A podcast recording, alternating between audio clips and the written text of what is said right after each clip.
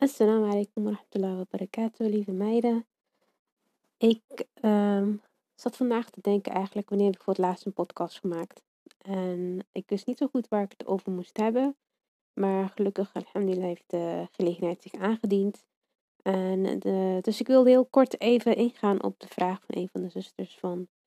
Wanneer weet je nou, wanneer krijg je het gevoel van ik wil met deze persoon trouwen? En voor de trouwde zusters onder ons. Dus uh, ik dacht, nou, ik voel me geroepen om daarop te antwoorden. Dat is een hele, hele mooie vraag. Hoe weet je nou dat die man die je dan spreekt, uh, of hij wel de juiste is, of hij de ware is, zoals sommige mensen zeggen?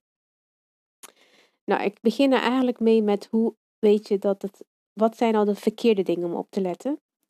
Um, ik heb er wel ook wat vaker over gehad. Ik heb het idee dat wij best wel een beetje gehersenspoeld zijn door al die Bollywood en Hollywood films. Met al die ja, liefdesverhalen die heel sterk overdreven zijn. Met allerlei liefde van alles. Eeuwige liefde en uh, zonder voorwaarden en alles is helemaal geweldig. En ja, bloemetjes en bijtjes en weet ik veel wat allemaal. Dan denk ik, jeetje, dat is echt niet hoe dat in de normale wereld aan toe gaat. Er zijn heel veel dingen die wij uh, als verkeerde, uh, ja, hoe zou je dat noemen, verkeerde richtlijnen nemen om te kunnen zeggen, oh, deze persoon is geschikt of ik uh, vind deze persoon leuk, dus ik ga daarom met diegene trouwen. En in de westerse samenleving krijgen we heel gauw het idee, als je verliefd bent op een persoon, als je je heel erg aangetrokken voelt tot die persoon, ja, dan, dan moet je met diegene trouwen, want dan klopt het en dan zullen jullie gelukkig samen zijn en happy, happy, joy, joy. Maar dan denk ik, ja, oké. Maar als dat het geval was, waarom zijn er zoveel scheidingen, ondanks dat iedereen trouwt om de liefde? Dus er is wat meer aan de hand. Er is niet, ja, dus niet, kun niet zeggen, oh, ik ben verliefd, dus deze persoon is het voor mij. En als we het op een islamitische manier benaderen, ik denk dat het als eerste heel belangrijk is dat wij ons beschermen tegen al het kwaad wat zeg maar verliefdheid en ja, het spreken van het andere geslacht met zich mee kan brengen. Um, omdat Allah ons waarschuwt in de Koran dat wij niet de uh, zina moeten benaderen. En dat houdt dus in niet alleen het begaan van zina, maar zelfs het benaderen, het in de buurt komen van zina is heel gevaarlijk. Um, en ja, wat zijn al de dingen in de hedendaagse wereld wat wij doen, wat heel dicht bij China komt. Ja, dat is natuurlijk het spreken van het andere geslacht. En sommige mensen gaan zelfs elkaar uh, ja, zien, uh, afspreken. Um, ja, heel veel andere mensen doen het gewoon via de telefoon of uh, via WhatsApp. Of, ja, weet ik veel, iedere andere communicatiemiddel. Maar het gevaar daarin is dat je natuurlijk direct contact hebt met, met het andere geslacht. En waar twee personen alleen zijn, ook al is het digitaal of op een andere manier, niet fysiek. En de derde persoon is dan de shaitaan. Dus we moeten ons heel erg uh, beschermen, eigenlijk onze harten beschermen tegen dit soort uh, situaties. Want ja, uiteindelijk als de shaitaan een derde persoon is, ja, dan ga je steeds meer een stapje verder.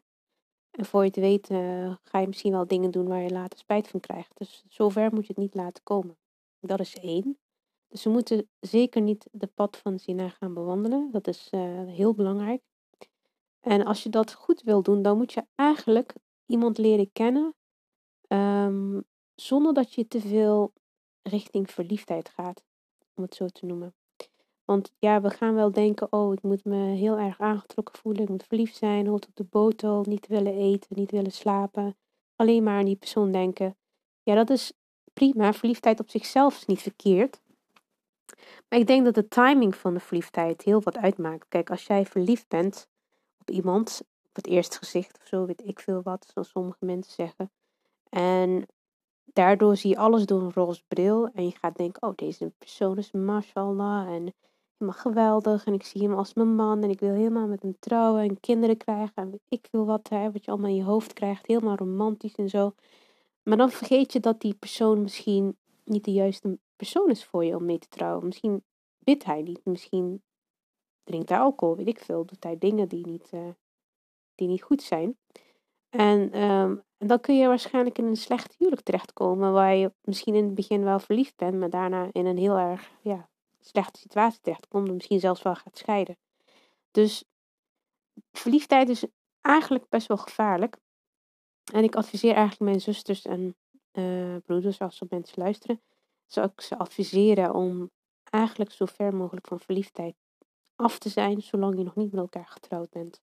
Want verliefdheid is een goede manier om een relatie met iemand uh, ja, vruchtvol te laten verlopen, omdat je natuurlijk aangetrokken tot elkaar bent enzovoort. Dus dat, dus dat brengt de liefde, de basis die dan later ontstaat tussen jullie. Dus verliefdheid, ik zie het meer als een beginfase om dingen te, op te starten, als het ware. Maar het is zeker niet voordat je getrouwd bent, zeker niet iets wat je ja, de, de leiding wil laten nemen. Want anders ga je te veel door een roze bril kijken en dan ga je misschien ook wel fouten maken. Nou ja, de andere kant, het extreme andere kant, dat je alles volledig met je verstand doet en totaal geen klik of gevoel hebt bij een persoon. Maar mijn idee is dat ook dat niet echt uh, uh, juist is of, of niet echt voor je gaat werken. Want als je helemaal zonder dat je enige relatie of, of connectie voelt met die persoon gaat trouwen. Het kan natuurlijk, dat kun je doen. Maar heel veel mensen hebben al moeite om die stap te zetten om te trouwen. Dat is één. En daarnaast kan het daarna ook nog voor problemen zorgen als je dan daarna gaat denken: oh ja, had ik maar toch die persoon. Of ja, er was geen klik aanwezig, dus waarom ben ik hier aan begonnen? En dan ga je heel, weet je, er komt heel veel stress, heel veel twijfel. Dat is ook niet goed. Hè? Je moet natuurlijk iemand wel kiezen omdat je daarachter staat en niet omdat je het gewoon op verstand hebt gedaan. Ik bedoel, uiteindelijk wil ons hart ook iets. We zijn ook maar mensen. We willen ook toch liefde voelen voor een persoon. En natuurlijk, Allah kan die liefde tussen jullie plaatsen. Als je dua doet, dan geloof ik echt wel dat die liefde wel ontstaat uiteindelijk. Maar als jij vooraf niet de moeite neemt om iemand ook maar even te zien of te leren kennen. En je wilt dan gelijk trouwen. Um, en je voelt geen klik, ja, dan kan het zijn dat jullie dan alsnog niet echt bij elkaar gaan passen later. Dus ik denk dat het wel goed is en dat het wordt ook via verschillende hadith, zeg maar, van de profeet sallallahu alayhi wasallam uh, bevestigd dat uh, de Hawa ook uh, vroegen van wat, wat kunnen het beste doen. Als we een vrouw willen trouwen, dan zei de profeet, moet naar haar kijken. Um, of in ieder geval iets vinden waardoor je je aangetrokken tot haar voelt. Of, dingen die je leuk aan haar gaat vinden, waardoor je die stap om haar te trouwen uh, voor jou gemakkelijker wordt. Dus het is islamitisch gezien toegestaan om iets te vinden waardoor je een klik voelt met iemand. Uh, waardoor je makkelijker die stap gaat zetten, waardoor je ook meer rust vindt en je hart denkt, oh ja, deze persoon, dat, daar zie ik het wel echt mee zitten.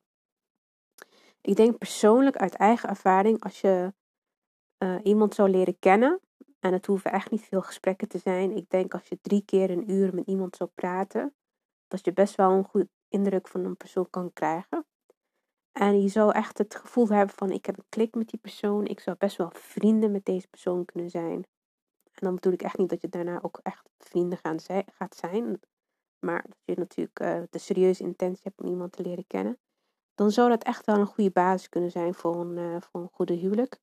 Aangezien als jij als jij, als jij met iemand zo een gesprek kan houden dat je denkt, nou ik voel me echt op mijn gemak, ik kan deze persoon vertrouwen, ik heb echt wel een goede gesprekstof met deze persoon, dat is echt een goede basis voor later, denk ik persoonlijk. Um, en ik denk dat je daar veel meer aan hebt dan, dan de verliefdheid en hoort op de botel te zijn. Uh, ik denk dat je dat vooral moet achterwege laten. Want het probleem is, ook als je verliefd bent en je bent emotioneel heel erg en iemand gaat investeren, dan kan het later tegen je werken. Want stel nou dat het uiteindelijk op niets loopt. En je raakt helemaal teleurgesteld van, oh ja, ik dacht dat deze persoon het zou zijn. En is het helemaal, hè, helemaal ander, anders gelopen. Het kan natuurlijk wel voor bepaalde littekens op je hart zorgen. En, ehm, en afhankelijk van hoe dingen zijn verlopen, kan het zelfs maken dat je het vertrouwen verliest in, in het andere geslacht. Dus het zijn best wel gevaren om emotioneel in iemand te investeren waarvan je weet dat dat misschien tegen gaat werken. Oké, maar ik ben nog steeds niet, ik heb nog steeds niet je vraag beantwoord. Ik heb eigenlijk een paar gevaren beschreven van hè, verliefdheid is gevaarlijk, ga daar niet naar zoeken. Uh, een klik, een vriendschappelijke basis, dat is wel goed. Dat kan je helpen om die stap te zetten. Maar uiteindelijk denk ik, uiteindelijk het aller, allerbelangrijkste wat je moet doen, is dat je gewoon dwar doet dat Allah je helpt om zeg maar, die keuze te maken. Dat als die persoon goed voor je is, dat je dan um, het gemakkelijker voor je wordt gemaakt als die persoon niet goed voor je is, voor jou in dit leven en in de agra, dat diegene van je verwijderd wordt.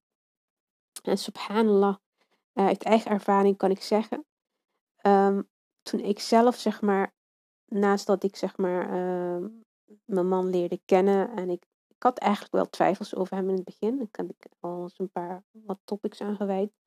Maar toen ik leerde dat die twijfels eigenlijk nergens op gebaseerd waren en toen ik zijn eigenschappen begon te waarderen en ik echt die klik voelde van wauw, hij is echt iets al, ik zou hem echt wel als vriend dingen kunnen delen, zeg maar. Dus zo'n klik had ik met hem.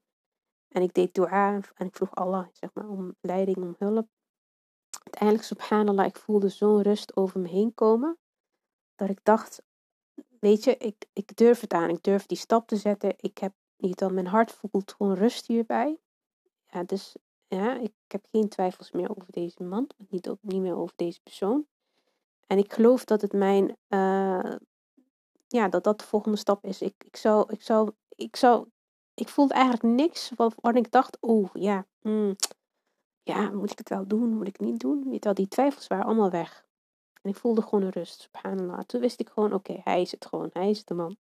Met hem moet ik gewoon gaan trouwen. En zelfs, Utal, en ik heb daar eerder over gehad, Zelfs al zou je daarna jaren later niet, niet, niet klikken of jullie gaan uit elkaar. Als het voorgeschreven is, is het voorgeschreven.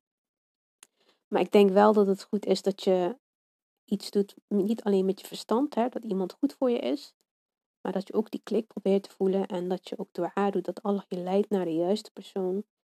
En die rust, die daalt echt over je heen als je de stappen goed doorlopen hebt. Als je, weet wel, als je datgene hebt gedaan waar Allah tevreden over is, dan inshallah word je daar ook voor beloond voor je goede zeg maar, intenties en uh, je goede wil daarin. Dus dat is eigenlijk een beetje in 12 minuten en nog wat uitgelegd op jouw vraag. Ik hoop dat jullie er wat aan hebben, dames. En inshallah tot de volgende keer. Assalamu alaikum.